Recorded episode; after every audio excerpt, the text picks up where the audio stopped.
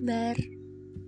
Kembali bersama aku, Nakita Aisyah, di siniar yang akan menemani kalian beberapa menit ke depan untuk sekedar berbincang ringan dan lebih sedikit memaknai kehidupan.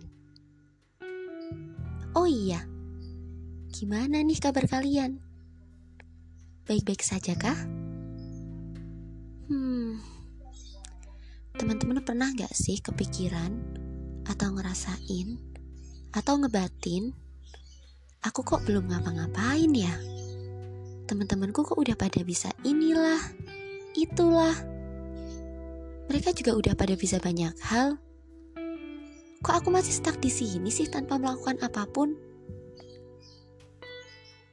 Atau sebenarnya aku udah melakukan banyak hal ya? Hanya saja aku yang tidak menghargai prosesku. Hmm, Aku tahu akan terasa sulit bagi kita untuk keluar dari pikiran-pikiran negatif dan perasaan meremehkan diri sendiri. Tapi sekarang kita harus sadar bila it's okay. Everyone has their own time.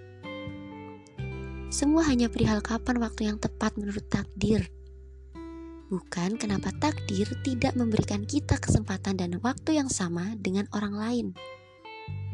Karena setiap orang terlahir lengkap dengan buku alur kehidupannya masing-masing, yang tentu dengan judul, bab, serta kisah yang takkan pernah sama pasti.